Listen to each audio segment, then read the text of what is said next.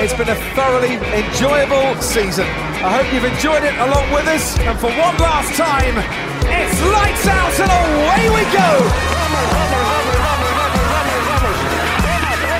Lewis Hamilton wins the Turkish Grand Prix and is a seven-time champion of the world. That was a smooth operator. Smooth operator.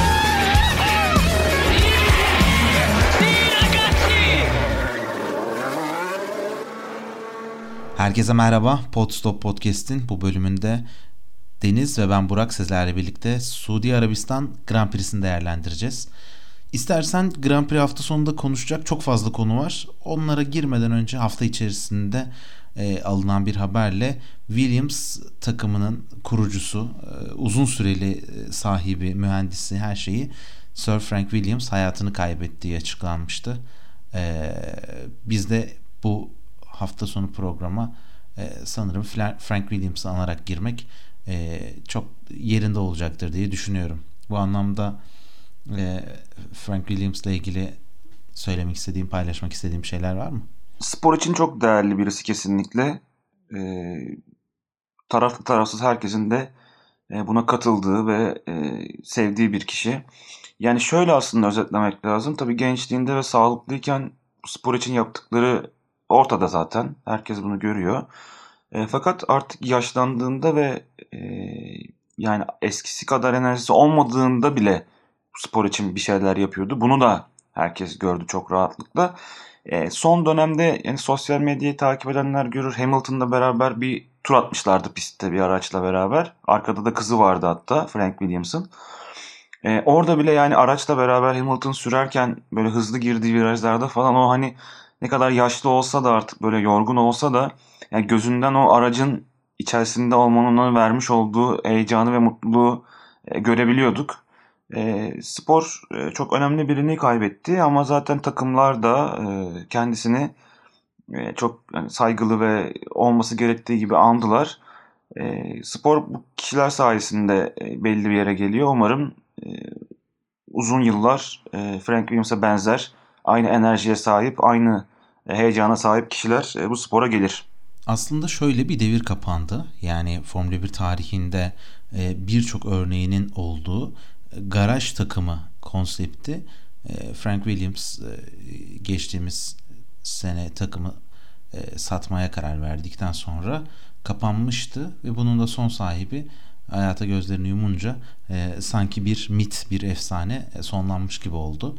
Yani konuşulacak belki çok şey var ama e, Formula 1'e yeni başlayanlar ya da yeni izlemeye başlayanlar, tarihiyle ilgili yeterince bilgi sahibi olmayanlar için e, bizim de YouTube kanalımızda bulabileceğiniz birçok birçok platformda da var zaten. Williams belgeseline bir göz atmanızı tavsiye ederim. Bu anlamda yapılmış en iyi spor belgesellerinden birisi olmakla beraber e, Williams'ı ve Frank Williams'ın hayatını çok güzel ve keyifli bir şekilde anlatıyorlar. E, bu anlamda onu izledikten sonra bir kere daha ne kadar önemli bir ikon olduğunu bu spor için e, herkes hatırlayacaktır diye düşünüyorum ya da bilmeyenler de öğrenecektir.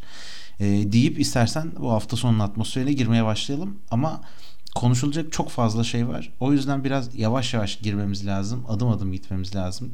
Gözümüzden ve dikkatimizden kaçan bir şey olsun istemiyorum. Bu yüzden ilk başta e, Cidde şehir pistini nasıl buldun? Birazcık pisti konuşarak başlayalım. Daha sonra tüm hafta sonunu kronolojik olarak tüm olayları takip edip değerlendirmeye çalışalım.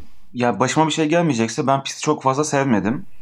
ee, geçen kayıttan sonra da aslında e, pistle alakalı birkaç şey söylemek istiyordum ama çok süre uzadığı için e, orada kesmiştik yayını. E, yani pistin yapısı bir kere zaten uzaktan baktığında yani ben geçişe çok fazla imkan vermeyeceğim. Böyle acayip uzun bir DRS treni oluşturacağım. Ne bileyim en ufak bir hatada kendini bariyerlerde bulacaksın gibi bir izlenim veriyor zaten ve yani tecrübeli olmayan pilotlar için e, hiç kolay bir pist değil. Az sonra zaten Formula 1 yarışını değerlendirmeden önce Formula 2'deki kazaya da ufak bir değiniriz. E, hafta sonu antrenmanlar başladığında Cuma günü e, Fırat abi Fırat Keskin bir tweet atmıştı hatta bu pist Formula 2'deki nispeten tecrübesiz e, pilotlar için e, büyük tehlike oluşturuyor diye ki zaten antrenman turlarında Formula 2'de de e, kazayla başladı ki hatta sonrasında da e, Formula 1'de de zaten antrenman turlarında hemen hemen sanırım yanlış hatırlamıyorsam 13. virajda birçok pilot kendini bariyerlerde buldu. E, yani bilmiyorum e, çok sevmedim ama hani pist haricinde organizasyon olarak e, akşam olması bir kere zaten e, çok ilgi çekici oluyor genelde bu yarışların. E, böyle bir ışık şov tarzı bir şey vardı böyle karanlık yapıp işte ışığı çıkarttıkları falan. Onlar hoştu. E, yani Arap lobisinin bu tarz şeylere genelde e, ilgisi oluyor ama pist özelinde bakarsak ben açıkçası yani çok kaotik bir yarış olacağı belliydi zaten öncesinde de bence ama e, yani kaotiklik her zaman çok keyif veren bir şey olmuyor. Tabii hop oturup hop kalktık son iki yarış olmasından sebep dolayı ama e, ben açıkçası pisti çok çok çok sevdiğimi söyleyemeyeceğim maalesef. Şöyle yani birkaç e, noktadan sanki bakmak çok daha iyi olur diye düşünüyorum. Birincisi teknik anlamda pistin e, durumu nedir, nasıl hissiyat yarattı. Diğer anlamda da Suudi Arabistan'da bir yarış düzenlenmesi fikri nasıl bir noktaya geldi diye bakmak lazım bence.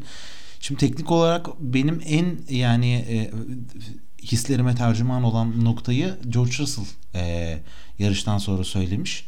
E, yani şöyle bir şey söyledi Suudi Arabistan Grand Prix'sinde güvenlik anlamında öğrenilecek çok fazla şey olduğunu e, söyledi. Pistin şu anki haliyle yarışmak için hiç güvenli olmadığını ve bazı buradaki kör virajların kaldırılıp düzlük olarak buraların geçilmesinin e, büyük anlamda güvenlik sorununu çözeceğini ve kolayca yani çok büyük bir kaynağa sebebiyet vermeden hallolabileceğini söyledi. E, buna çok katılıyorum. Çünkü şu yüzden katılıyorum. Aslında pistin haritasına baktığımızda 27 adet viraj var gibi görünüyor ama bunların bazılarını viraj tanımına almak gerçekten çok zor. Yani çok hızlı yön değişlerinin de, değiştirmelerin olduğu bir yer. Kenarları tamamen duvarla kaplı bir pist. E, dolayısıyla aslında oradaki yön değiştirmenin her birisine viraj diye adlandırıldığı zaman bu kadar çok viraj varmış gibi görünüyor ama Russell'ın söylediğine katılıyorum. Bazı yerler özellikle 10-11-12'nin olduğu kısım e, ya da DRS bölgesinin e, olduğu işte birinci DRS bölgesinin olduğu 17'den sonraki 21-22'ye kadar ki olan kısım e, tamamen düz geçilebilecek bir e, şeyde yani durumda. Bu anlamda birazcık daha pist genişletilip daha düz bir hale almış olsaydı e, yani böyle Baküvari bir e, hissiyatla orada birçok farklı fırsata e, gebe olabilirdi diye düşünüyorum. E, o yüzden ben çok çok kısa böleceğim burada lafını hemen. E, bir örnek vereceğim bu söylediğinle alakalı. Mesela pilotların e, yüzlerini çeken bir kamera var ya direksiyonun hemen arkasında. Yani direksiyonla beraber yüzlerini aldığı bir şey. Normalde e, formasyon turunda ya da güvenlik aracının arkasında biz genelde pilotlar o kameradan izlerken pilotlar sağa ve sola direksiyon çeviriyorlar böyle lastikleri ısıtmak için. E, bu bu sefer de aslında öyle bir görüntü vardı. Ben ya dedim Allah Allah ne kadar çok hani e, normalden farklı çevirdim. Meğerse 11 12. o virajları dönüyorlarmış aslında pilotlar o sırada. Yani hani aracı ısıtmak için değil de öyle dönüyorlar hakikaten. Çevirerek dümdüz gidiyorlar aslında yani çok böyle tam çevirmeden çok hafif çevirdikleri virajlar. Ee, senin de hani söylediğin çok paralel bir görüntüydü o da. Kesinlikle öyle. Bu anlamda yani bu sıkıntılar geçildikten sonra belki biraz daha e, farklı bir hale bürünebilir diye düşünüyorum. Yani eminim bu düşünülmesi gerekiyordu. Bir cadde pisti olduğu için bazı yerleri e, düzenlemek daha zor gibi olacaktır belki ama bu kadar yeni bir pistte böyle bir de, bu kadar kritik bir güvenlik detayının gözden kaçması e, çok bana tuhaf geliyor. E, ama tuhaf gelen bir diğer önemli konu da tabii ki e, ikinci değerlendirme konusuyla paralel Suudi Arabistan'da bir Formula 1 yarışının düzenlenmesi fikri aslında ikinci tuhaf olan kısım.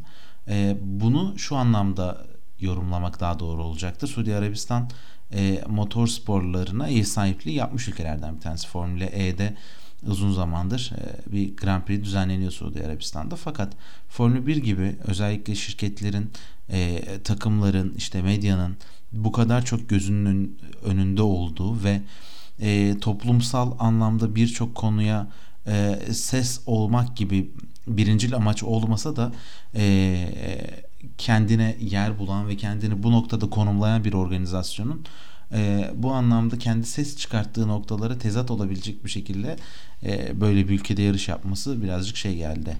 E, tuhaf geldi. Dediğim gibi bu sadece eleştirilebilir bir şey olur. E, net e, doğru ya da yanlış olmaz. E, ama bu noktada özellikle Formula 1'in e, organizasyonel partneri e, Aramco e, şirketinin de e, bir Suudi Arabistan Amerikan ortaklığı olan bir dünyanın en değerli şirketi olduğunu hatırlatıp e, dolayısıyla böyle bir organizasyonun buraya evrilmesinin zaten ticari anlamda çok da sürpriz olmadığını söyleyebiliriz e, diyelim ve istersen birazcık daha pisti senin de az önce bahsettiğin gibi güvenlik açıkları sebebin üzerinden konuşalım.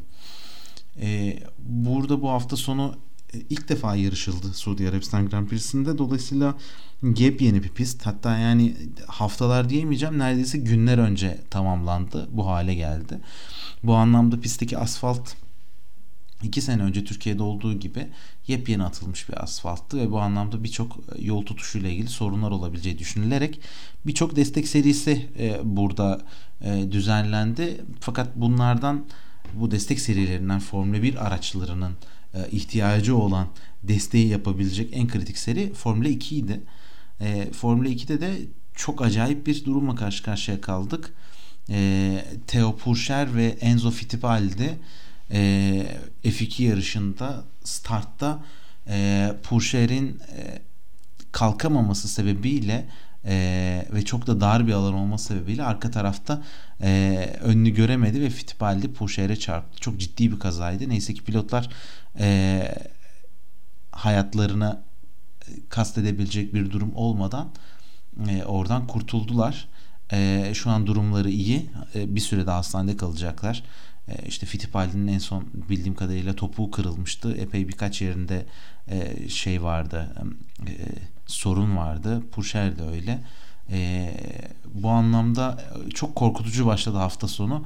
Bunu görünce sen de yarışın nasıl geçeceğiyle ilgili endişelerin oluşmaya başladı mı? Ne düşündün acaba? Ya endişeler oluşmaya başladı çünkü zaten pist yani ben ilk hatırlıyorum pistin e, reklamı çıktığında yani çok geniş bir cadde pisti demişlerdi ama hiç hiç geniş bir cadde pisti değil. Zaten çok benzer bir kaza da yine yarış içerisinde e, Mazepin'in Russell'la arasında oldu. Yani yani evet. En ufak bir yerde kaçabilecek bir şansın yok. Yani pist çok e, dar bir pist ve e, bir yani üç araç zar zor sığıyor. Yani tamam evet şimdi bu Formula 2'deki olan biraz da aslında yani doğru kelimeyi bulamıyorum burada yani ilginç herhalde çünkü ondan önce birçok pilotun sağından solundan geçtiği araca çarpmak çok büyük başarı aslında ama yani e, geniş bir pist olsa çok daha rahat kaçabilecekken hatta hızlanırken çok daha rahat açılıp hızlanabiliyorken araçların startla beraber çok fazla o bizim görmüş olduğumuz böyle yayılan araçları çok fazla göremedik burada.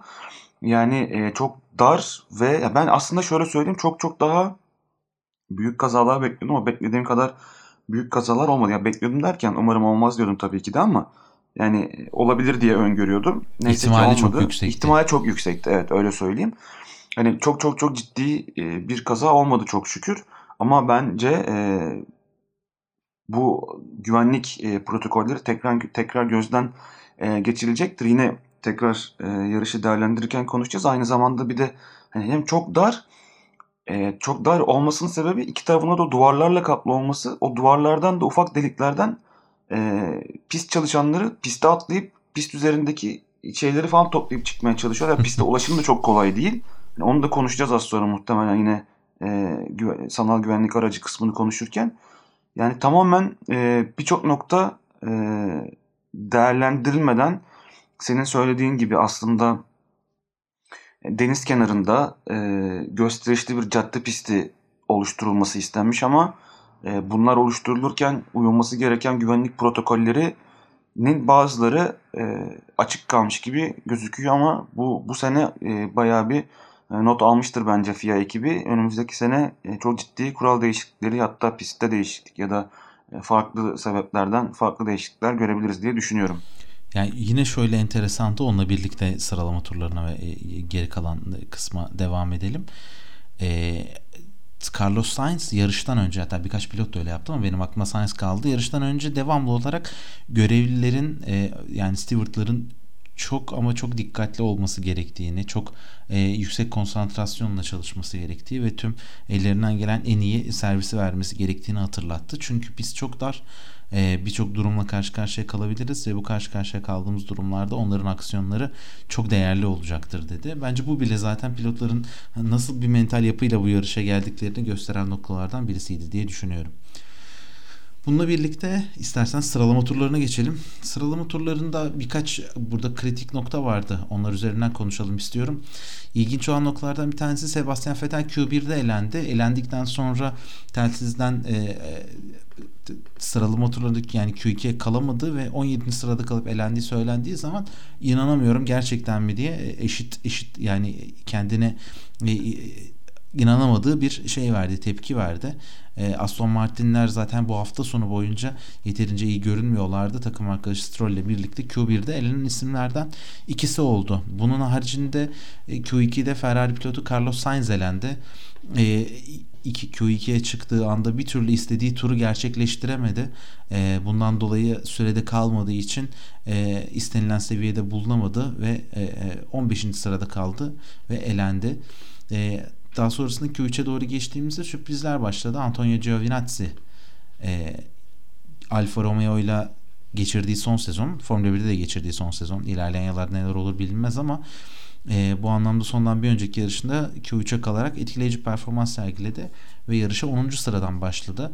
E, bunun haricinde ön taraflarda e, etkileyici performanslar vardı. Pierre Gasly yine çok kuvvetli göründü. Alfa Tauri 2 pilotuyla birlikte Q3'e kalırken Pierre Gasly kendisini 6. sırada buldu. Hemen önünde Sergio Perez vardı. Ön taraftaki mücadeleden biraz uzakta kalmak zorunda kaldı takım arkadaşından ve Mercedeslerden. Çünkü e, takım arkadaşıyla arasına Ferrari pilotu Charles Leclerc girdi. Leclerc e, sanıyorum bu hafta sonu yine hem cadde pistinde olması sebebiyle hem Ferrari'nin e, burada teknik anlamda piste çok daha uygun bir araçla çıkması sebebiyle e, bir kez daha kendini kanıtladı ve ne kadar hızlı bir tek tur pilotu olduğunu e, herkese gösterdi. Özellikle antrenmanlarda e, Honda motorlarının buradaki verimliliğin ne kadar üst düzey olduğunu yani şöyle hatırlayabiliriz. İlk 5'te 4 Honda pilotunun olduğu antrenman seanslarını geride bırakmıştık. Hem Mercedes'lerin hem Honda'nın bu kadar kuvvetli olduğu bir yerde e, Leclerc Ferrari ile bu araya girmesi önemli bir başarıydı diye düşünüyorum.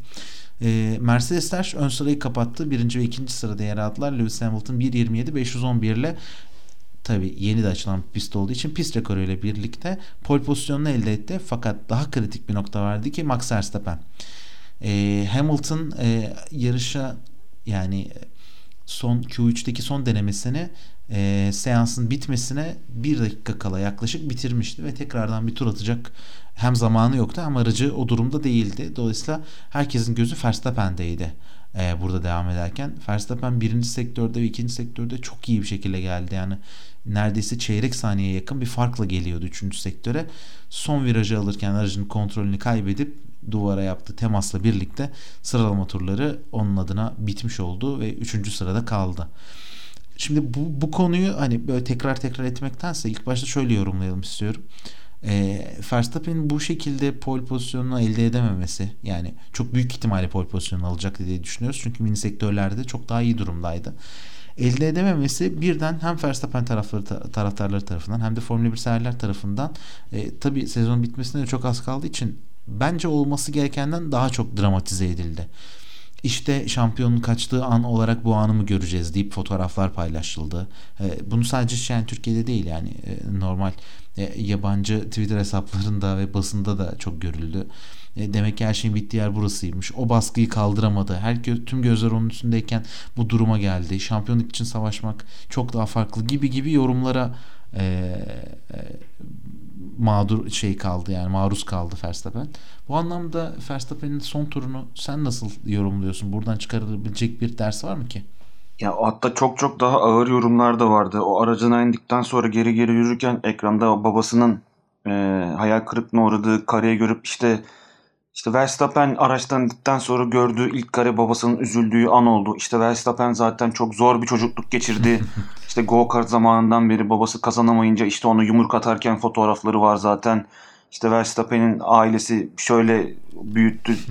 Yani İnanılmaz ya. çok acayip yerlere evrilmeye başladı birden. İşte akşam çok zor geçecek Verstappen için herhalde. Babasını ayrı otele götürün, aynı yerde kalmasın falan. Yani böyle okudukça o kadar Şey gibi değil mi? Hani dağlarda kurtlar tarafından yetiştirilmiş Ya, evet. bir şeyden bahsediyoruz. Büyük şey böyle hani. Rocky de böyle babası böyle onu böyle yetiştirmiş bugün için ve bakamıyor yüzüne falan gibi bir şey oldu ortalıkta. Çok ben şaşırdım. Olabilir yani emin bunu her pilot yapıyor. Bu bir yarış yani temas var bunda maalesef. Hani e, tamam sezonun sonundan bir önceki yarışı ama bu kadar da değil. Hani bu kadar şey izlemek sorumsuz demeyeyim yani de e, ac- acayip yani herkes yorum yapıyor ve e, çok garip yorumlar gerçekten. Anlaması da güç. Ya öyle olsa bile ailesi de hani böyle yetiştirilmiş bir şey olsa bile hani en ufak bir yaptığı kazadan sonra da bu şekilde e, garip garip lanse edilmesi hiç hoş değil. Yani şeye falan vuran insanlar var. Ya işte Verstappen'in bu kadar agresif olmasının sebebi ailesi aslında. İşte agresif hayat yapısı onu agresif bir sürücü yapmış. Pistte de durmadan Hamilton'a o yüzden böyle saldırıyor falan. Yani neyse çok acayip gerçekten. E, ama sonuçta e, çok gerçekten çok da hızlı geliyordu. Çok çok büyük ihtimalle pole pozisyonunu alacaktı. Ee, onun için e, şanssız bir e, sıralama turu son e, sektörü oldu diyelim. Ee, onun haricinde Verstappen'in haricinde evet Mercedesler olması gerektiği kadar hızlıydı zaten. Önde olmalarını bekliyorduk. Tekrar e, bir parantezi Leclerc'e açmak istiyorum.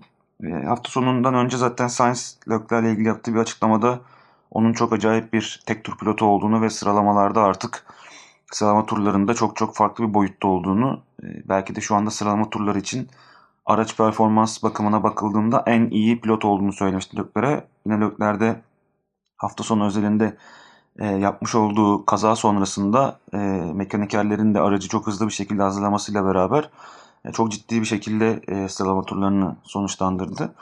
O yüzden yani Verstappen ve e, Mercedes'in sonrasında konuşmamız gereken bir diğer isim senin söylediğin gibi e, Leclerc'di.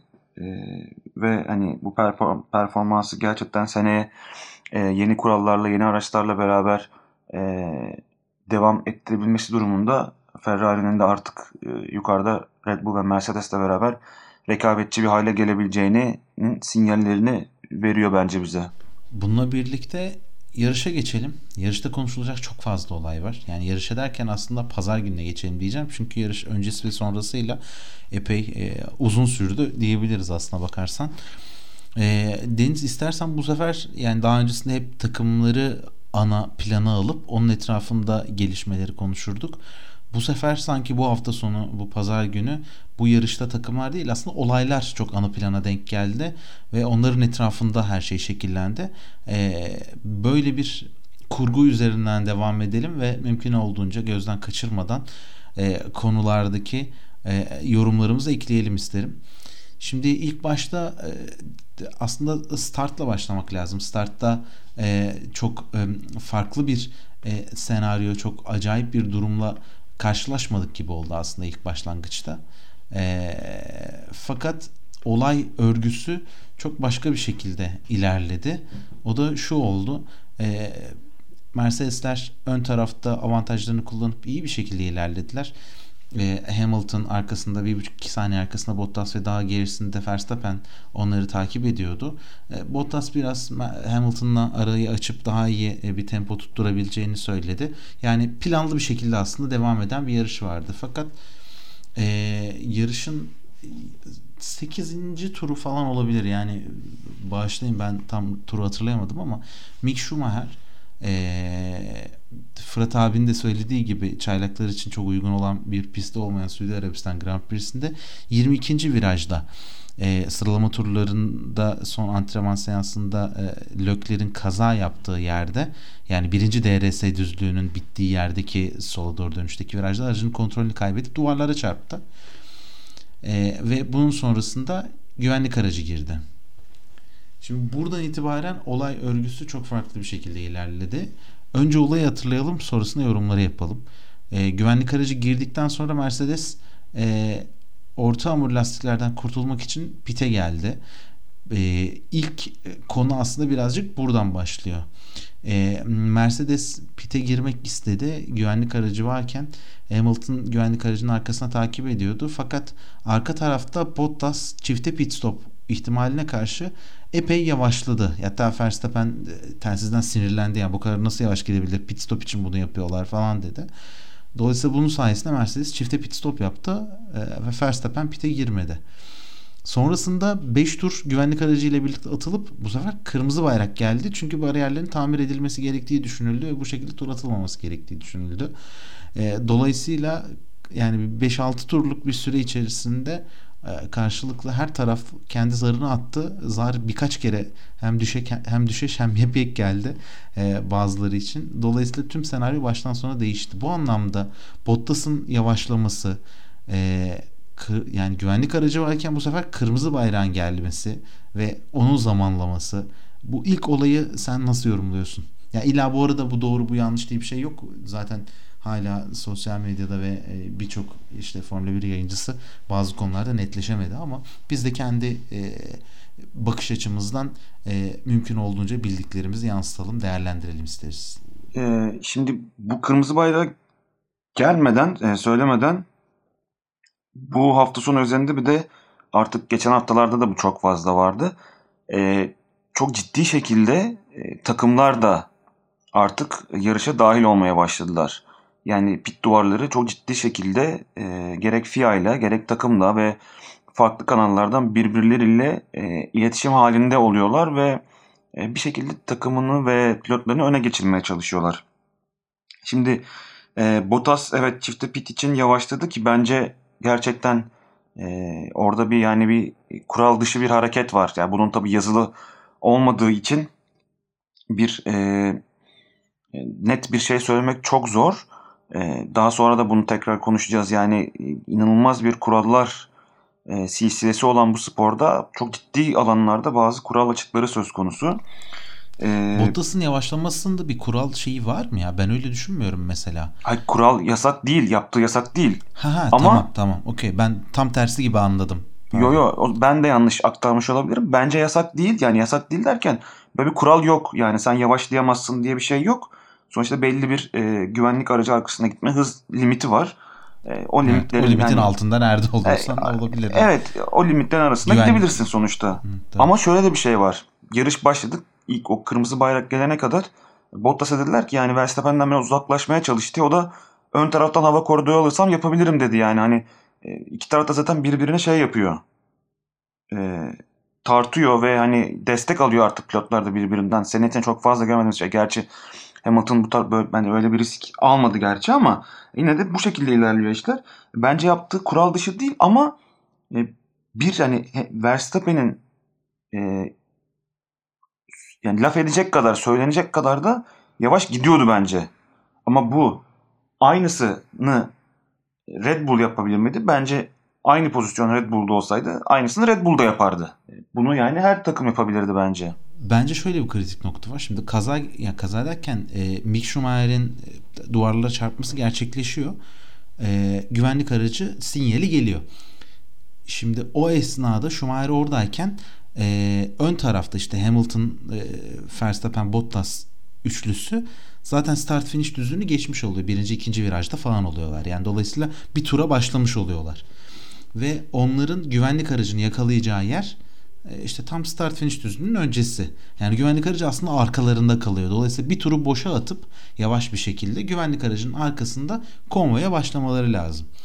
Şimdi bu esnada her yerde güvenlik aracı simgesi var ama önünüzde güvenlik aracı yok. Yani dolayısıyla sizin temponuzu belirleyen bir güvenlik aracı yok. E, güvenlik aracının kuralı da işte yani sanal güvenlik aracı da en azından öyle. Hızınızı %40 oranında azaltmanız lazım. İşte dikkatli sürüş yapmanız lazım vesaire vesaire. Dolayısıyla Hamilton ön tarafta önü boş bir şekilde güvenlik aracına doğru gidiyor. Ona doğru yetişmeye çalışıyor. Sarı bayraklar sallanıyor. Tüm pistte e, kimseyi geçmiyor vesaire yapmıyor falan falan. Arka tarafta Bottas ve Verstappen de e, onu takip ederek geliyorlar. Ama Bottas birazcık arayı açarak geliyor. Yani boşluk bırakarak geliyor. O da hızını düşürmüş. Ön tarafta Hamilton uzuyor gidiyor. Okey gidebilir. Yani o da yavaşlayarak yoluna devam ediyor. Şimdi tam güvenlik aracı start finish düzlüğün önünde yani bitişinin olduğu yerde onu bekliyor. Arka taraftan kim kim geliyorsa onun önünde tempo yaparak devam ettirecek. Fakat buraya gelmeden önce yani daha güvenlik aracının arkasına geçip güvenlik aracı arkasındaki kurallar silsilesi teknik olarak başlamadan önce bu olay gerçekleşiyor. Yani Bottas arkayı açıyor. Hamilton o sırada pite giriyor. Mesela güvenlik aracının arkasında o an Hamilton yok.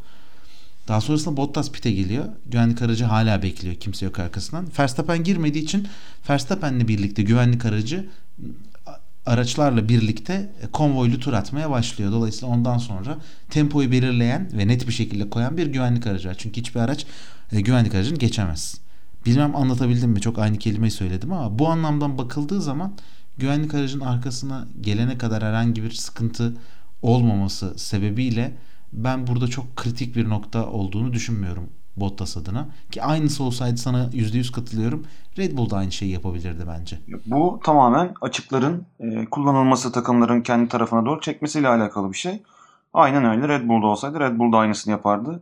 Benzer şeyleri görüyoruz zaten. Sporu da güzel yapan bu zaten yani o açıkları bulmak keyifli olan bu zaten. Yani evet e, imkan olduğunca bu açıkları bulabilmek. E, muhtemelen zaten güvenlik aracı girdikten sonra e, Bottas'a da çifte pit stop yapılacağı söylendikten sonra e, ya bunu Bottas kendi karar verip arayı açmaya çalışıyor ya da takımdan böyle bilgi geliyor. Takımdan böyle bilgi muhtemelen arayı aç diye gelmiyordur tabii ki de ama ona benzer sebepler ya da belki öncesinde konuşulmuş bile olabilir yani yarış öncesinde senaryoların tamamı konuşulurken. E, tabii burada Verstappen'in ama Bottas'ın da burada ne kadar zeki olduğu görülebilir. Çünkü mesela Verstappen'e telsizden gelen mesaj netti. Hani Bottas'a böyle bir mesaj çıktığını hiç duymadık. Yani sonrasındaki kayıtlarda da duymadık. Dolayısıyla yani e, bu da Mercedes için özlenecek bir şey. Alfa Romeo için de önümüzdeki yıl önemli bir kazanç bence. E, evet yani Bottas'ın gerçekten e, zeki bir pilot olduğunu aslında hepimiz biliyoruz. E, şansı yaver gitmedi. Hamilton'ın takım arkadaşı olarak diyelim Mercedes'te. Kısa bir parantez olsun. E, yani Verstappen'in burada tabii pite ya bir kere şöyle Mercedes'te orta hamurdan bir kere kurtulmak istediler. Bu bir. Sert hamura geçmek istediler artık. E, ikincisi e, Red Bull takımının Verstappen'i pite almamasının sebeplerinden bir tanesi e, yeni bir güvenlik aracı periyodu olabilme ihtimali olabilir. E, bu lastik değişiminden sonra birkaç tur sonra Verstappen'e girdiğini düşünürsek Hamilton'ın belki yarış sonuna kadar e, tekrar bu taktı lastikle gidememe ihtimaline karşılık ikinci bir pit stop yapma ihtimali e, olabileceğinden bekleme ihtimalleri olabilir ama bir şekilde şanslılardı ve e, kırmızı bayrak e, sallandı. E, tabii yarış sonunda Norris de aynı şeyi dile getirdi. Ben de aynı şeyi düşünüyorum. Yani kırmızı bayrak sonrası araçların e, pit yoluna dizilmesiyle beraber işte istediğiniz lastiği takabilme kuralı bence e, çok saçma bir kural. Yani o an oraya araç nasıl giriyorsa bence en azından o şekilde çıkması gerekiyor. Ee, yani bir pit stop yapacak yani bir atıyorum bir kanadınız kırıldı diyelim ki kırmızı bayrak sallandı ve bir şekilde oraya girdiniz. Yani e, o, onun bile bence değiştirilemiyor olması ya da atıyorum değiştirilebilecekse bile grid cezası olması vesaire gibi e, kuralların olması gerekiyor bence. Yani kırmızı bayrak sonu pite giren araçların lastik değiştirmesi e, çok saçma bence. E, çok yani nasıl bir böyle bir karar verildi ne yani altında ne yazıyor açıklamanın bilmiyorum ama e, bence çok mantıklı değil. E, ama sonuç olarak baktığımızda e, tamamen Verstappen'e yaramış bir e, zar oldu e, Red Bull tarafından. Ben şöyle düşünüyorum yani senin söylediğin konu biraz daha yapısal bir konu. Yani bu bu sezon ilk defa olan bir durum değil. Geçen sezon da vardı kırmızı bayrak altında lastik değişimi ya da başka komponent değişimi. Ee, onun tartışması daha farklı olabilir. Ee, ben de bu konuda senin fikirlerine çok katılıyorum. E, fakat bunun haricinde bence buradaki daha kritik bir nokta 5 tur boyunca güvenlik aracıyla tur atılıyor pist üzerinde ve kırmızı bayrak bu 5 turun sonrasında geliyor. Yani ve diyorlar ki bariyerler hiç düzeltilemeyecek gibiymiş. Dolayısıyla e, böyle bir kırmızı bayrak yapalım. Herkes dursun ondan sonra devam edelim. Yani bu şöyle geliyor bana. Birazcık daha daha pratik zekayı e, gerektiren bir durumdu. Şimdi bariyerlerin düzeltilemeyecek gibi olması birinci ya da ikinci turdaki yani güvenlik aracı esnasında birinci ya da ikinci turda anlaşılabilirdi. Çünkü bunun kararını e, orada bir bir görevli bakıyor ve diyor ki bunlar düzeltilmez ya da daha uzun sürer bekleyelim. E, şimdi onlar bundan emin olamayıp hallederiz deyip mi devam ettiler? Eğer böyle devam ettilerse Michael Massey ilk defa bir Formula 1 yarışı düzenlenen bir e, ülkede ve ilk defa bu işi gören bir organizasyon ekiplerine stewardlarını yaptığı yorumlarına inanarak mı yarışı devam ettirdi? E, bu bana birazcık şey geliyor, tuhaf geliyor. Daha pratik bir şekilde hiç gerek yok. Kırmızı bayrağı hemen çıkartalım. Yarışı hani turları boşuna attırmadan e, sonra devam ederiz diyebilirdi. Ya da ne olursa olsun daha kısa sürede onu bitirtip yarışa tekrar başlayabilirdi ki bazı pilotlar da zaten duvar gayet iyi görünüyordu. Niye değiştirmekle uğraşıyorlar? Niye kırmızı bayrak aldık dedi. Bunu şu anlamda eleştiriyorum. Bu tarz sorunlar, teknik şeyler e, geçtiğimiz yıllarda Türkiye'de de yaşanmış olabilir ya da bundan sonra yaşanacak olabilir başka pistlerde de. Bunlar sorun değil fakat buradaki alınan kararların şampiyonaya etkisi olma ihtimali e, beni şahsi olarak çok huzursuz durumda bırakıyor. O da şu Verstappen pite girmedi. Orta hamurla devam ediyor ve 5 turla orta hamur lastiklerini hiç yıpratmadan pist üzerinde rahatça e, lastiklerin ideal ısısını bularak o, o ısıda tutarak tuta, tur attı. Arka tarafta Mercedesler taptaze sert lastiklerini 5 e, turluk yani bir, birinci turda girmediler diyeyim. 4 tur güvenlik aracı altında attılar. E, yeterince hızlanamadılar. Belki lastiklerini ısıtamadılar. E, ya da üzerindeki en verimli olan o kaygan e, kauçuğun ilk başlangıcındaki kısmı kaybettiler gibi gibi. Yani bu bugün Mercedes Red Bull içindir. Yarın tam tersi olur ya da başka birileri dahil olur. Bu anlamda bunun gibi teknik kararların yarışın performansına böyle bir yerde etki etmesi çok doğru olmuyor diye düşünüyorum. İstersen olaylar örgüsüne... Bu sene bir de bunu birçok kez konuştuk özür dilerim. Yani e, bu sene geçen senelere göre daha mı çok aksiyon oluyor? Daha mı çok karar veriliyor? Neden bu şekilde daha çok bunu konuşuyoruz bilmiyorum ama bu sene bunu birçok kez konuştuk. Cezaları e, çıkan işte Masi'nin kararlarını doğru, doğru. hani ya birçok kez birçok kez bunları e, eleştirdik ya da anlayamadık. Yani konuştuk burada.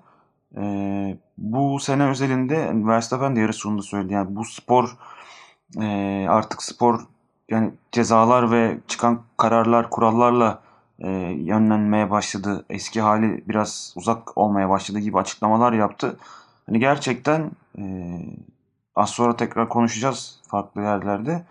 E, çıkan kurallar ve kararlar e, biraz bu durumu biraz zora sokuyor bence temiz bir e, sene sonunda konuşulduğunda yani özellikle bir de son hafta e, son yarışta e, benzer kararlar, benzer cezalar çıkarsa çok ciddi anlamda e, soru işaretleri olan bir sene olarak kalacak bence. Daha sonrasında kırmızı bayrakla birlikte tüm pilotlar pit yoluna dizildiler ve bir kez daha start oldu. Bu sefer Verstappen Hamilton Bottas sıralamasıyla gerçekleşti start.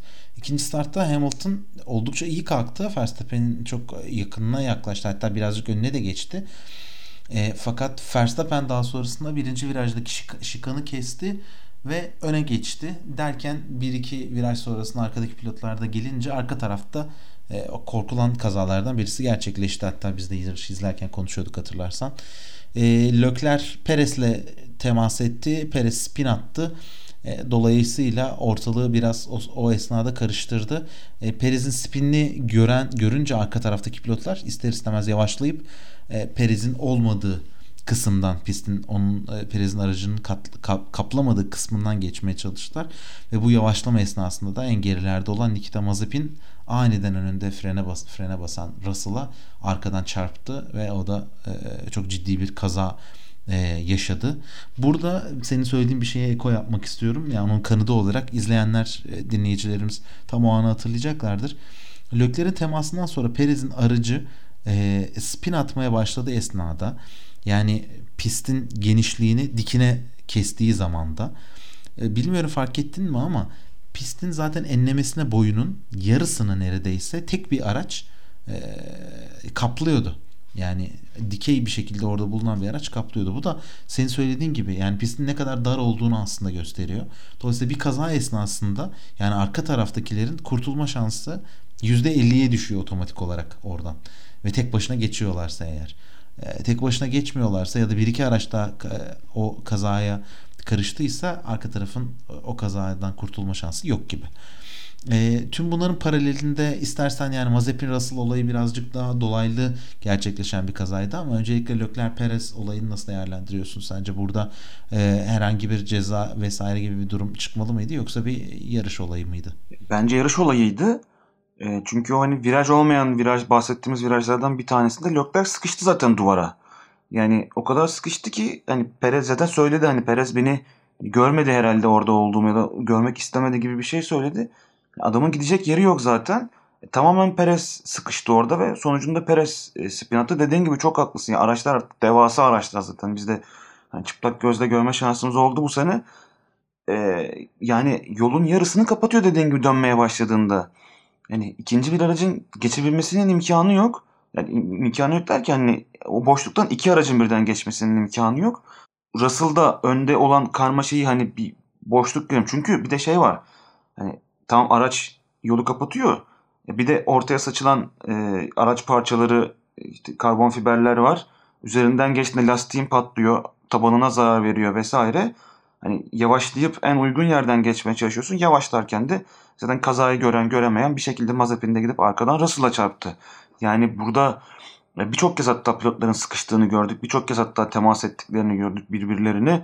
Yani şöyle baksan Hamilton'dan tut Ocon'a, Vettel'e, Raikkonen'e her birinin ya ön kanat değiştirdiler birkaç defa ya da her birinde bir çizik var, kopuk parça var, bir şey var. Yani e, dashboard'da var. Bir yerlerden durmadan Doğru. E, her tarafında çizikler var arabaların. Yani o yüzden e, çok çok ciddi dar bir pist ve kaçabilecek bir yer yok, yapacak hiçbir şey yok. E, o yüzden bence yarış kazasıydı Lökler ve e, Perez'in. Perez'in e, kazası. Ama tabii Perez'in yarış dışı kalmış olması ve puan alamamış olması e, biz tabii tamamen burada e, Verstappen ve Hamilton mücadelesine odaklandık ama bir de atlamamamız gereken Mercedes Red Bull çekişmesi vardı. Ama bu yarış özelinde Mercedes almış olduğu puanlarla ve Perez'in de puan alamamasıyla beraber e, Red Bull tarafı çok ciddi yara aldı diyebiliriz bu yarışta da. Ben de sana katılıyorum. Yani Perez de zaten e, ilk başta daha heyecanlı bir şekildeydi ama yarış bittikten sonra gerçekten görmedim Lökler'i orada. Ama anladım ve görüntüleri izlediğim kadarıyla onun da kaçacak bir yeri yokmuş. Benim de kaçacak bir yerim kalmadı. Dolayısıyla talihsiz bir durumla karşı karşıya kaldık şeklinde e, yorum yapmıştı. Bu kazalar sonrasında doğal olarak kırmızı bayrak tekrardan çıktı ve pilotlar bir kez daha pit yoluna dizildiler. Bu esnada Red Bull pit duvarıyla FIA arasında konuşmalar, görüşmeler devam etti. E, ilk virajda Verstappen'in şikanı kesmesi sebebiyle e, enteresan bir durum oldu ve Michael Massey şöyle bir şey söyledi. E, Verstappen'in ilk virajda kestiğini siz de biliyorsunuzdur, görüyorsunuzdur. E, isterseniz bu konuyu kırmızı bayrak altında e, yani bunu Türkçesine söylüyorum tabii böyle konuşmadılar ama hani tatlıya bağlayalım. Verstappen'e iki sıra gridde pozisyonunu geri vermesi gerektiğini söyleyelim. E, ve bununla birlikte yarışa tekrardan başlayalım. Bu şekilde komiserler kurulunun ekstradan bir inceleme yapmasına gerek kalmayacaktır. E, böyle bir teklifle geliyorum size ne dersiniz dedi. Christian Horner da tabii ki de hemen kabul ediyoruz dedi. Ve doğru sıralama Ocon, Hamilton, e, Verstappen şeklinde olacak doğru mu dediler. E, o da doğruladı ve e, yarış tekrardan bu şekilde başladı. Şimdi çok olay esna olay örgüsü çok yoğun olduğu için her birini kaçırmadan da yorum yapalım istiyorum. İstersen kısa kısa devam edelim. E, FIA yarış direktörünün takımlarla böyle bir teklifle gelmesi, böyle bir pazarlık üzerinden konuyu ilerletmesini nasıl yorumluyorsun? Şöyle, inceleme yapılmadan yani söylediğine göre inceleme yapılmadan bu arada. E, Masi bununla ilgili bir açıklama yaptı aslında. Yani bu bir e, bir teklif değil dedi aslında. Yani bu çünkü bu, yani bir e, tam doğru kelimeyi bilemiyorum ben de ama hani bu teklif değildi gibi açıklama yaptı. Bu arada şöyle bir şey e, önce sanırım Red Bull tarafı Ocon, Verstappen, Hamilton olacak değil mi deyince hayır sıranızı Hamilton'a vermeniz lazım demişlerdi. Onlar da tamam o zaman dediler ama ben yorumumu yapmadan önce tekrar şunu söylemek istiyorum. Bence Hamilton'da mesela e, burada mesela Verstappen'in üzerine kapandı.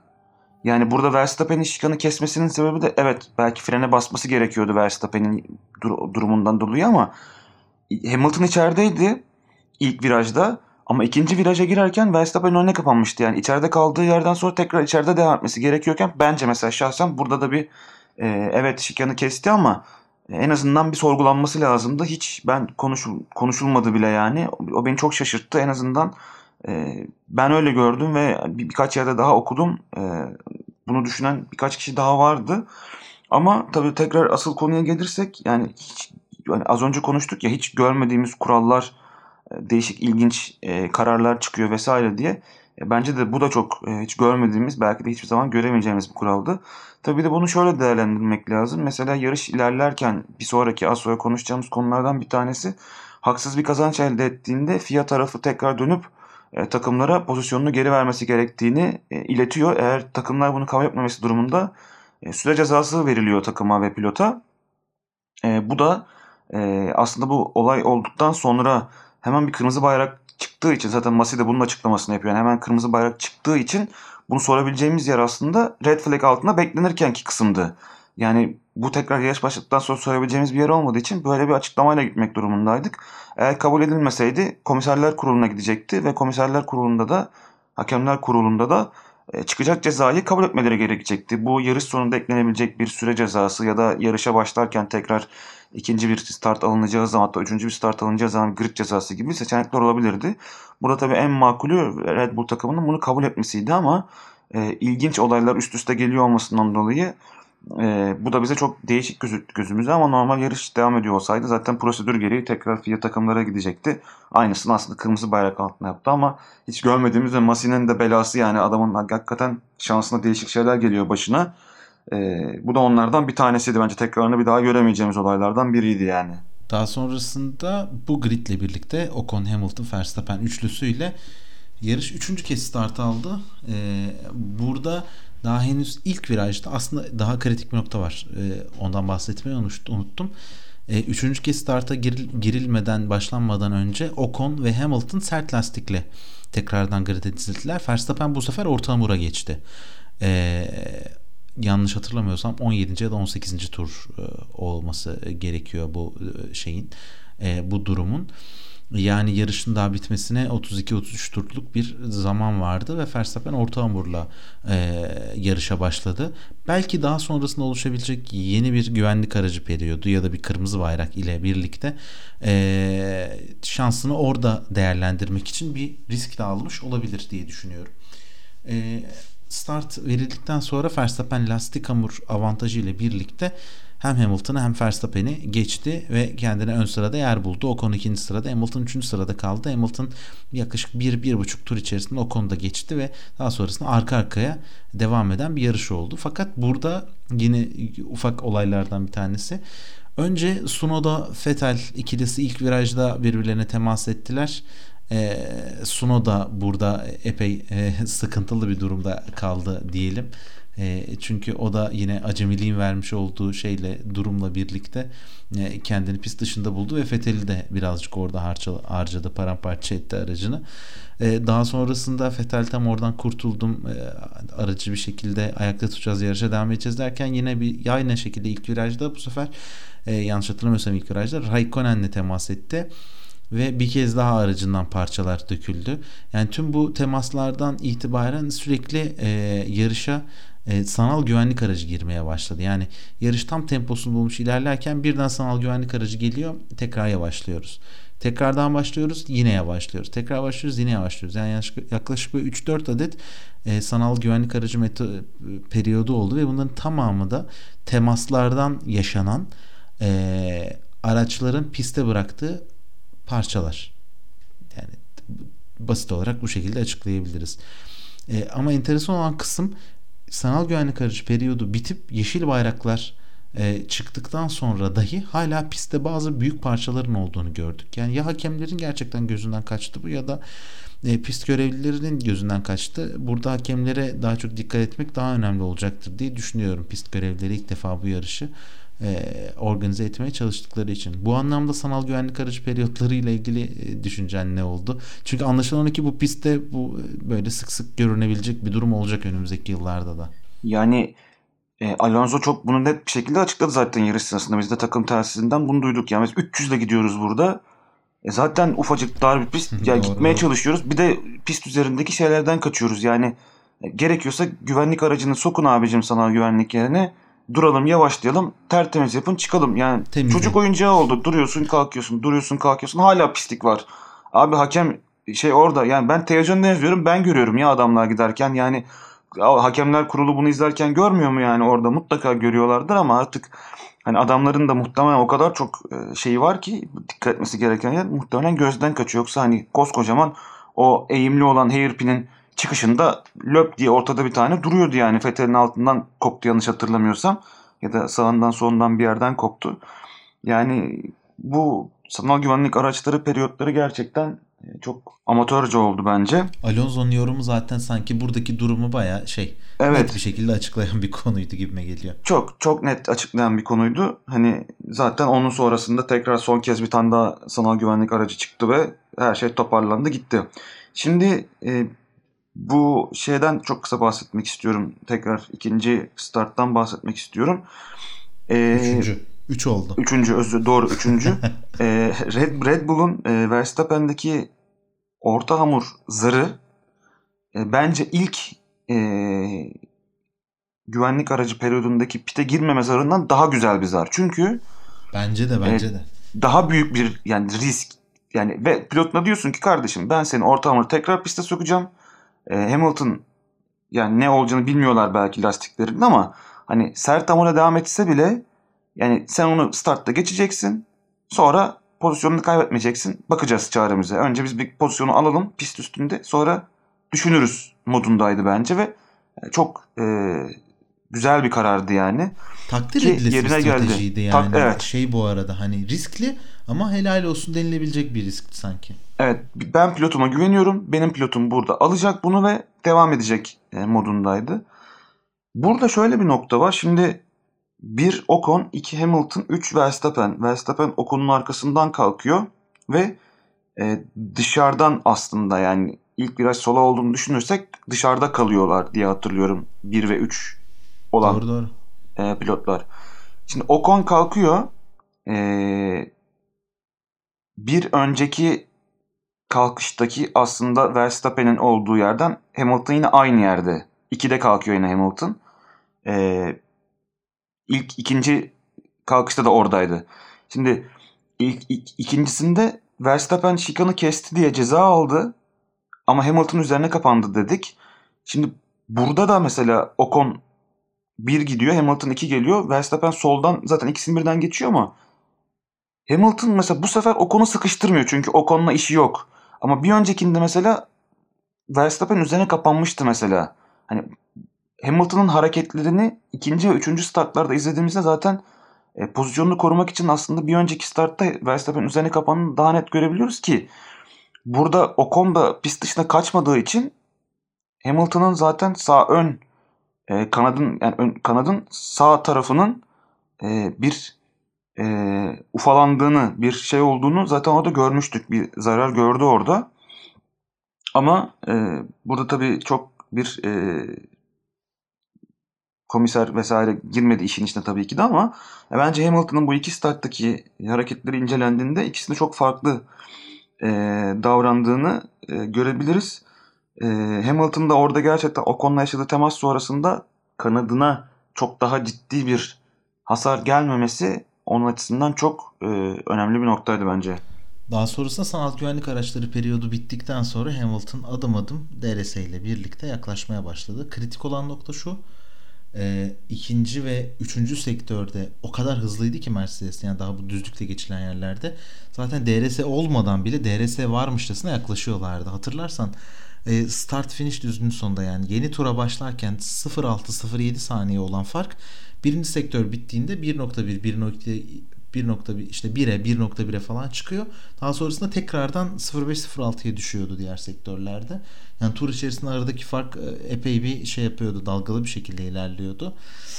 E, bu, bu esnada Hamilton iyice yaklaştı. Artık lastiklerin de avantajı birazcık ortaya çıkmaya başladı. E, ve Verstappen'e doğru bir hamle yaptı ve geçiş esnasında Verstappen epey de geç bir fren yaptı. E, bununla birlikte dışa taştı. Dışarı taştı Verstappen ve tekrardan önde devam etti. E, bu anlamda Verstappen önde Hamilton dışarıda giderken e, zaten asıl kaos konuşulmaya başlandı işte dışarıdan kesti yerini geri vermesi lazım şöyle olması lazım böyle olması lazım diye takımlar FIA ile konuştu. FIA takımlarla konuştu. Şöyleydi böyle derken birkaç tur devam etti. E, ve sonunda Verstappen'e yerini geri vermesi gerektiği söylendi. Bu esnada e, Hamilton e, bu şekilde Verstappen'in arkasında takip ederken e, son düzlükte arka taraftaki son düzlükte e, yani son e, hairpin'e gelip e, start finish düzlüğüne çıkmadan önceki son düzlüğün olduğu bölümde Verstappen epeyce yavaşladı. E, Hamilton onu arkadan takip ediyordu. E, söylenen o ki Hamilton kulaklıktan telsizden herhangi bir uyarı almadı Verstappen'in yerini kendine vereceğine dair. E, bu esnada anlaşılmayan bir şekilde e, Verstappen'in fren yaptığını düşündü. Bundan kaçayım derken çarptı arkadan kanadında epey bir hasar oluştu. E, ve bu çarpma sonrasında Hamilton, e, Verstappen tekrardan gazlayıp yoluna devam etti. Hamilton arkada kaldı. E, sonrasında Hamilton turlar geçtikten sonra tabi e, zamanı korudu. Tekrardan yaklaştı. Start düzlüğüne böyle yakın bir şekilde geldi. E, birinci virajda birazcık sıkıştı. E, yani orada geçemedi. Verstappen birinci devam etti. E, sonrasında da 5 saniyelik bir ceza geldi. Verstappen'e. E, ve bununla birlikte de Hamilton ilerleyen zamanlardaki turda son virajda Hamilton e, Verstappen'e doğru yaklaştı ve biraz daha rahat geçti. Verstappen bu anlamda boşluk bıraktı. E, bu noktada e, Verstappen ve Hamilton'ın bu temasını nasıl yorumluyorsun? E, benim aklıma şey geldi tabii ilk yarışın o esnasında e, hatırlarsın belki 2017 olması lazım 2017-2018 Bakü'de e, Fethel'in Hamilton'ın kendisine bir fren testi yaptığını düşünerek güvenlik aracı arkasındayken sinirlenip yanına geçip e, önce arkadan çarpıp daha sonra yanına geçip yandan çarpma konusu aklıma geldi. Bu sefer Hamilton önde olan taraftı. Şimdi arkada olan taraftı. Bu anlamda bu konuyu nasıl yorumlayacaksın? Şimdi önce şeye bir söyleyeyim. Ee, yani ilk sektörde fark 1.4-1.5'lere düşüyor. Son ikinci ve üçüncü sektörde 0.8'lere düşüyor dedik. E, bununla ilgili de zaten Christian Horner yarış sonrası çok güzel bir açıklama yaptı. Aslında güzel ve biraz da sert bir açıklama yaptı aslında. Ya bence sert bir açıklamaydı. E, ilk ilk sektör e, virajların olduğu ve sürücü kabiliyetine ihtiyaç duyulan bir e, sektör. İkinci ve üçüncü sektörler nispeten daha düz e, sektörler. Düzlükte herkes aracı kullanır. Önemli olan burada ilk sektördeki virajlardaki pilotajdı aslında. Yani ikinci ve üçüncü sektörde hızlı arabayı versen herkes kullanır gibi. Böyle Hamilton'a aslında hani sen iyi bir sürücü değilsin. Aracın iyi olduğu için ikinci ve üçüncü düzlükte hani yakalıyorsun gibi bir e, demeç verdi. E, zamanlarda aslında bunu doğruluyor ama. Ama tabii çok şöyle enteresan bir nokta var orada. Sıralama turlarında da Verstappen son sektörün son virajında kaza yaptı. Ya evet evet öyle ee, ama yine de zamana bakarsan ilk iki sektörde de gerçekten çok hızlı gidiyordu yani Verstappen'de ama doğru yani o söylediği düzlükte herkes araç kullanır da duvara çarptı kendi sürücüsü. Ee, yani maalesef oluyor ama orada sert bir açıklama oldu aslında. Hep konuştuğumuz o takımların artık dahil olduğu alanlardan yine bir tanesini gördük. Şimdi burada yerini vermesi gerektiği yani biz de yarışı izlerken hep konuşurken zaten ben de çok benzer bir yorum yapmıştım. Olabilir mi acaba demiştim. Gerçekten sonrasında öyle olduğu e, çıktı. Burada tabii Mercedes takımı bilmiyorum ben sonuçta e, Red Bull takımı biz yerimizi vereceğiz dedikten sonra ya da konuşuldu mu hakemler kuruluyla bilmiyorum. Mercedes'in haberi mi yoktu ya da Mercedes'in haberi vardı Hamilton'a mı söylemediler. Ya burada Verstappen'in bence de yer vermesi vereceği için yavaşladı ama Hamilton haberi olmadığı için biraz e, şey oldu ama ya Verstappen'in yaptığı da gerçekten büyük bir ayıp. Yani gerçekten bir break testing var. Yani gözde de Hamilton'ın ekranın Hamilton'ın kamerasından çok net bir şekilde gözüküyor. Zaten yarış sonunda da bakıldığında orada bir e, break testing olduğu e, görüldü. Yani özellikle tam Hamilton'ın geçeceği zaman frene bastığı görüldü ama Hamilton'ın da bunu fark ediyor olması gerekiyordu bence. Yani bu kadar yavaşlamasından e, onun hani yol ver, veriyor olduğunu anlayabilecek tecrübede olan bir pilottu. E, bir hava koridoru yakalamak için çok yaklaştı yanına. Hava koridoru yak, yakalamadan yanından geçiyor olsaydı belki de atıyorum hava koridoru hızlanıp geçecekti. Çünkü arkasından hemen tekrar e, Verstappen'in hızlanmasından korktu belki de ama yani hem Verstappen'in yaptığının e, bilerek bence bilerekti bu arada. Bilerek olmasının en büyük göstergesi de Hamilton çarptıktan sonra hemen hızlanıp devam ediyor. Yani madem yol vermeye çalışıyorsun, tam break testing yapıyorsun belki. Adam çarpınca bir dur bari hani hemen hızlanma da. Hani adam bir geçmeye devam etsin. Hani çarpınca sen devam ediyorsun. E yani yer vermedin ki kardeşim niye durdun o zaman yani? Hani e, amaç neydi yavaşlamaktaki falan böyle değişik değişik konular var. E, ama bence e, burada e, aldığı ceza da haklı. E, Verstappen'in yani aldığı ceza doğru yani. E, bence burada Verstappen'in bir e, o ailesiyle yaşadığı travmanın ortaya çıkmış hali var. ben böyle şey yapıyormuşum kaydın başındaki şeye. Yok cidden yani e, Verstappen'in orada e, bir e, yarış gerginliğiyle beraber yapmış olduğu bir e, ne diyeyim hata var bence. Şöyle yani ilk başta tabii farklı bir şekilde yorumlansa dahi yarış bittikten sonra telemetri verilerine bakarak konu net bir şekilde ortaya çıkacaktı. Biz de aramızda bunu konuşmuştuk. Ee, bu anlamda Verstappen'in burada bir fren yaptığı e, ortaya çıktı. Aslında ilk başta e, fren yapmadığı sadece ayağını gazdan çektiği söyleniyordu. Daha sonra telemetri verilerinde çıktı. Yani 2.4 G'lik bir fren var. E, bu birazcık işte şey geliyor bana.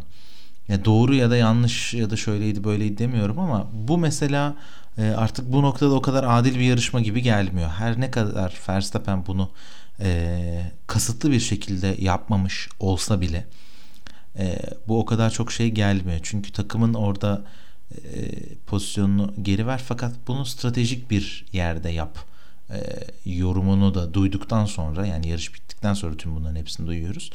E, parçalar çok birleşiyor e, ve bu anlamda birazcık bana şey geliyor soru işareti geliyor. Bunu neden böyle düşünüyorum? E, çünkü Verstappen bu sene hatırlarsan daha önceki bölümlerde bunu konuşmuştuk.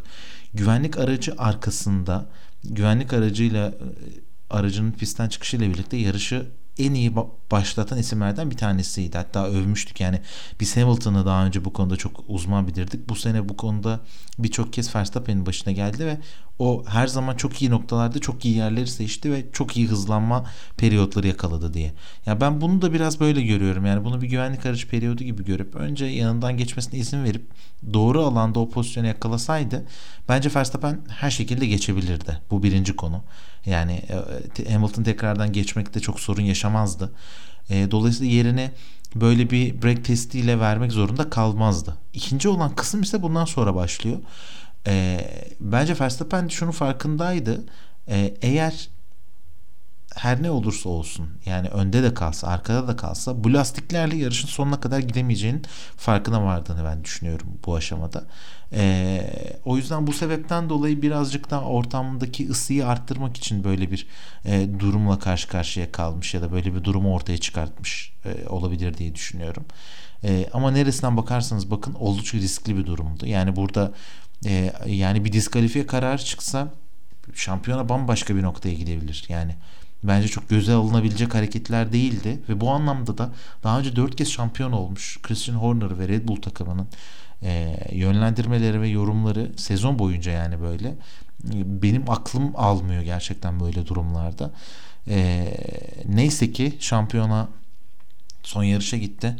E, Verstappen yarış sonunda e, bu break testingi tespit edildiği için 10 saniye ceza aldı ve 2 e, ceza puanı daha eklendi e, kendi karnesine e, herhangi bir sorun olmadan bitirdi ama e, çok daha büyük durumlarla karşı karşıya kalabilirdik diye düşünüyorum. E, bunun sonrasında da zaten e, Hamilton daha sonrasında Verstappen'i de geçmişti. E, en hızlı tur zamanını da elde ederek Lewis Hamilton epeyce bir fark oluşturdu arka tarafla. Verstappen lastiklerinin bitmesiyle birlikte e, ve yarışı kazandı. Yarışın sonunda Verstappen lastiklerimi değiştirmek için pite gelebilir miyim diye sorduğunda olumsuz e, çünkü arka tarafta Ocon ve Bottas birbirine çok yakın yeteri kadar boşluğumuz yok yorumunu aldılar. Bu, bu sebeple de Verstappen gitgide e, tur zamanı azaldı ve e, pite girip bir en hızlı tur denemesi yapabilecek bir boşluğu kalmamış oldu. Daha enteresan kısım da son düzlüğe kadar Bottas'ın Ocon'u zorlaması son birkaç tur boyunca. Hatta bir ara biraz öne geçti son e, şeyde e, son turda sonra Ocon tekrardan yerini aldı derken son düzlükte Bottas DRS ile birlikte 0.1 saniye önünde Ocon'u geçti ve podyum yaptı. E, bu anlamda son e, virajlarda olanlar hem stratejik açıdan Verstappen'in pite girememesi, Hamilton'ın en hızlı tur alması ve bununla birlikte senin de aslında e, yayının başında söylediğin gibi e, Bottas'ın Mercedes'in takımlar şampiyonasındaki yerine katkıda bulunması e, bizi nasıl bir e, son haftaya doğru sürükleyecek? Ee, bir kere kazadan sonra sen çok doğru bir yere değindin. Yani e, Verstappen'in diskalifiye vesaire gibi konular tartışılıyordu. Özellikle o kaza sonrasında Hamilton'ın zaten daha önce o konuda temas ettiği o kanadın sağ ön tarafı kırılsa, kopsa bir şey olsa ve Hamilton yarış dışı kalsa ya da tekrar pite gelip e, kanadı değiştirmek durumunda vesaire kalıyor olsa belki Verstappen çok çok daha bir ağır ceza gelebilirdi. Yarışı Hamilton kazandığı için belki de sadece bu yarış sonrasında bir 10 saniyelik cezayla kurtuldu diyebiliriz ki arkasında gelen Bottas ve Ocon'un neyse ki e, birbiriyle yarışması sonucunda Verstappen'i pite almadılar. Belki de Verstappen'i pite alıp en hızlı tur deneme sonrasında arkasındakiyle böyle 8 7-8 saniye e, farklı kazanmış ikinci olmuş olsaydı belki üçüncülüğe kadar gerilecek ve son haftaya girilirken aradaki puan farkı daha farklı olacaktı. E, Mercedes takımı evet 1-3 yaparak yine son haftalarda çok ciddi puanlar topluyorlar. Perez'in de e, bu hafta özelinde yine yarış dışı kalmasıyla beraber e, Mercedes artık e, çok büyük ihtimalle markalarda yani son hafta Mercedes'te Hamilton ya da Bottas e, ilk puan alamazsa ya da yarış dışı kalırsa ya da ilk onun dışında kalan olursa ve e, Red Bull takımı çok ciddi puanlar toplayamazsa çok büyük ihtimalle şampiyon olacaklar gibi gözüküyor Mercedes için. E, ciddi bir avantaj söz konusu şu anda. E, son haftaya girilirken de yani asıl konu aslında Verstappen ve Hamilton'ın eşit puanlarla giriyor olmaları. Çok uzun zamandır böyle bir şey görmüyorduk. E, geçen sene zaten Hamilton İstanbul'da garantilemişti şampiyonluğu. E, yani muazzam bir son hafta bekliyor bizi. E, gerçekten hani ya oldu mu olacak mı kazanacak mı Verstappen şampiyon olabilir mi işte birinci olursa Hamilton yedinci olurlar falanlar filanlar konuşulurken geldik çattık son haftaya. Her şey belli olacak. Takımlar şampiyonluğu sürücüler şampiyonluğu işte yani her şeyin belli olacağı hafta.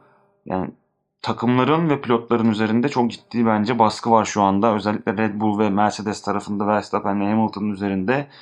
Yani bunu daha önce birçok kez dünya şampiyonu olmuş tecrübeli bir pilot mu yoksa başarıya çok çok daha aç olan bir genç pilot mu e, daha iyi karşılayacak?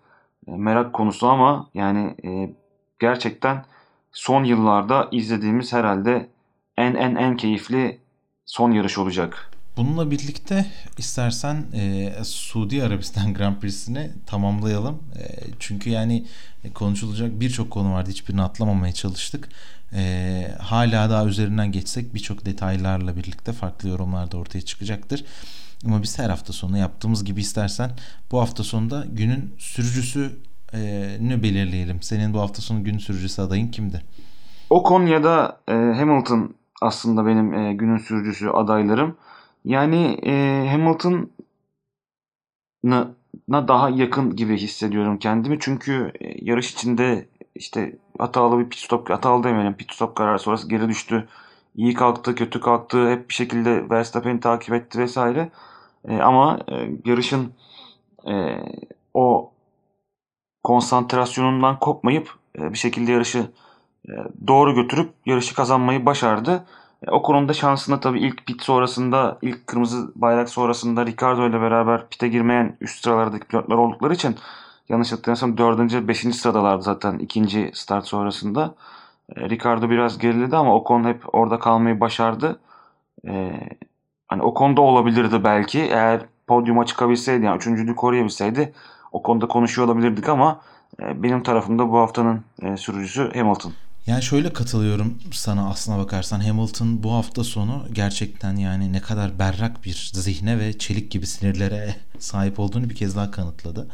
E, yani çok zordu. Hatta yarış bittiğinde hatırlarsan e, hem fiziksel anlamda zorlandı ama bence daha da çok mental anlamda da çok zorlandığı bir yarış oldu. E, görüntüleri izlediğimizde e, kendine arkada kuytu bir yer bulup orada epey kendine gelmek için çok zorlandı. E, yardımcısı Angela Cullen orada ona epey destek oldu. Bu anlamda bu zorlu yarışı kazanarak bitirmek çok değerli. Yani günün sürücüsü adaylarından birisi yapar onu. Ee, Ocon için de ben şöyle düşünüyorum. Yani sence de öyle değil mi? Günün hem en şanslı hem de en şanssız pilotuydu. En şanslıydı çünkü kırmızı bayraklar e, sayesinde birden yarışı başlatan, hani polde yarışı başlatan bir konuma geldi 3. startta. En şanssızlıydı. Bu kadar iyi konuma e, bir şekilde şansında yardımıyla gelmesiyle birlikte e, son virajda, son düzlükte 0.1 saniyeyle podyumu kaçırdı. E, o yüzden onun için ben de tam e, nereye konumlandıracağımı e, bilemedim. Fakat bence benim için biraz daha farklı. Ben Daniel Ricciardo'yu e, günün sürücüsü olarak seçiyorum. Yani onu da şu şu yüzden değerlendirdim.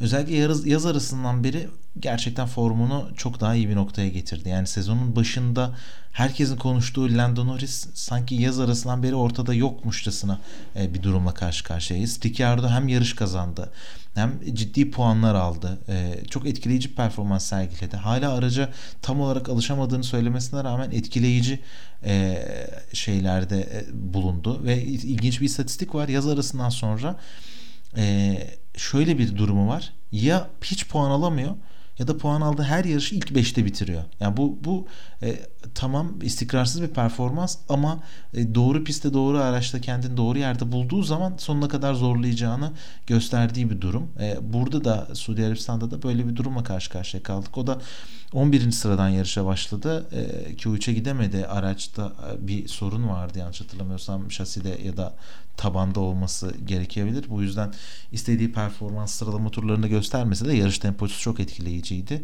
Ve McLaren adına bu hafta sonu e, hem Ferrari ile olan mücadelelerinde e, e, tutundukları bir dal hem de ön alanlardaki tempolarını ve performanslarını kanıtlayabilecekleri bir durumla karşı karşıya kaldılar diyebiliriz. Bununla birlikte sezonun artık sonuna yaklaşıyoruz. Hatta sonuna geldik. Önümüzdeki hafta Abu Dhabi Grand Prix'si ile birlikte e, sezon bitecek ve bu sezonun hem takımlar hem de sürücüler tarafında şampiyonların kim olacağını öğreneceğiz. E, 70 küsür yıllık işte Formula 1 e, tarihinde e, tarihte ikinci kez son haftaya iki pilot aynı puanla giriyor. Hala şampiyonada e, yarış kazanma farkıyla, yarış kazanma sayısı farkıyla Max Verstappen lider olarak giriyor. İkinci sırada Lewis Hamilton var ve aynı puandalar. Muhtemelen son hafta yarışı kazananın e, yani genelde hep o ikisi 1 ve 2 oluyor diye düşünüyoruz ama yarışı kazananın ya da önde bitirenin şampiyon olacağı bir e, hafta sonu izleyeceğiz. O yüzden tüm hafta sonu boyunca tüm gözler bu ikilinin üzerinde olacak. Biz de yine yarıştan sonra her zaman olduğu gibi değerlendirme e, yayınımızla sizlerin karşısında olacağız.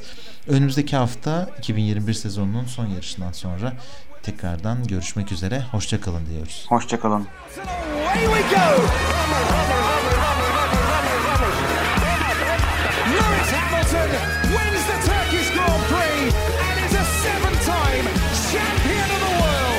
That was the truth of America.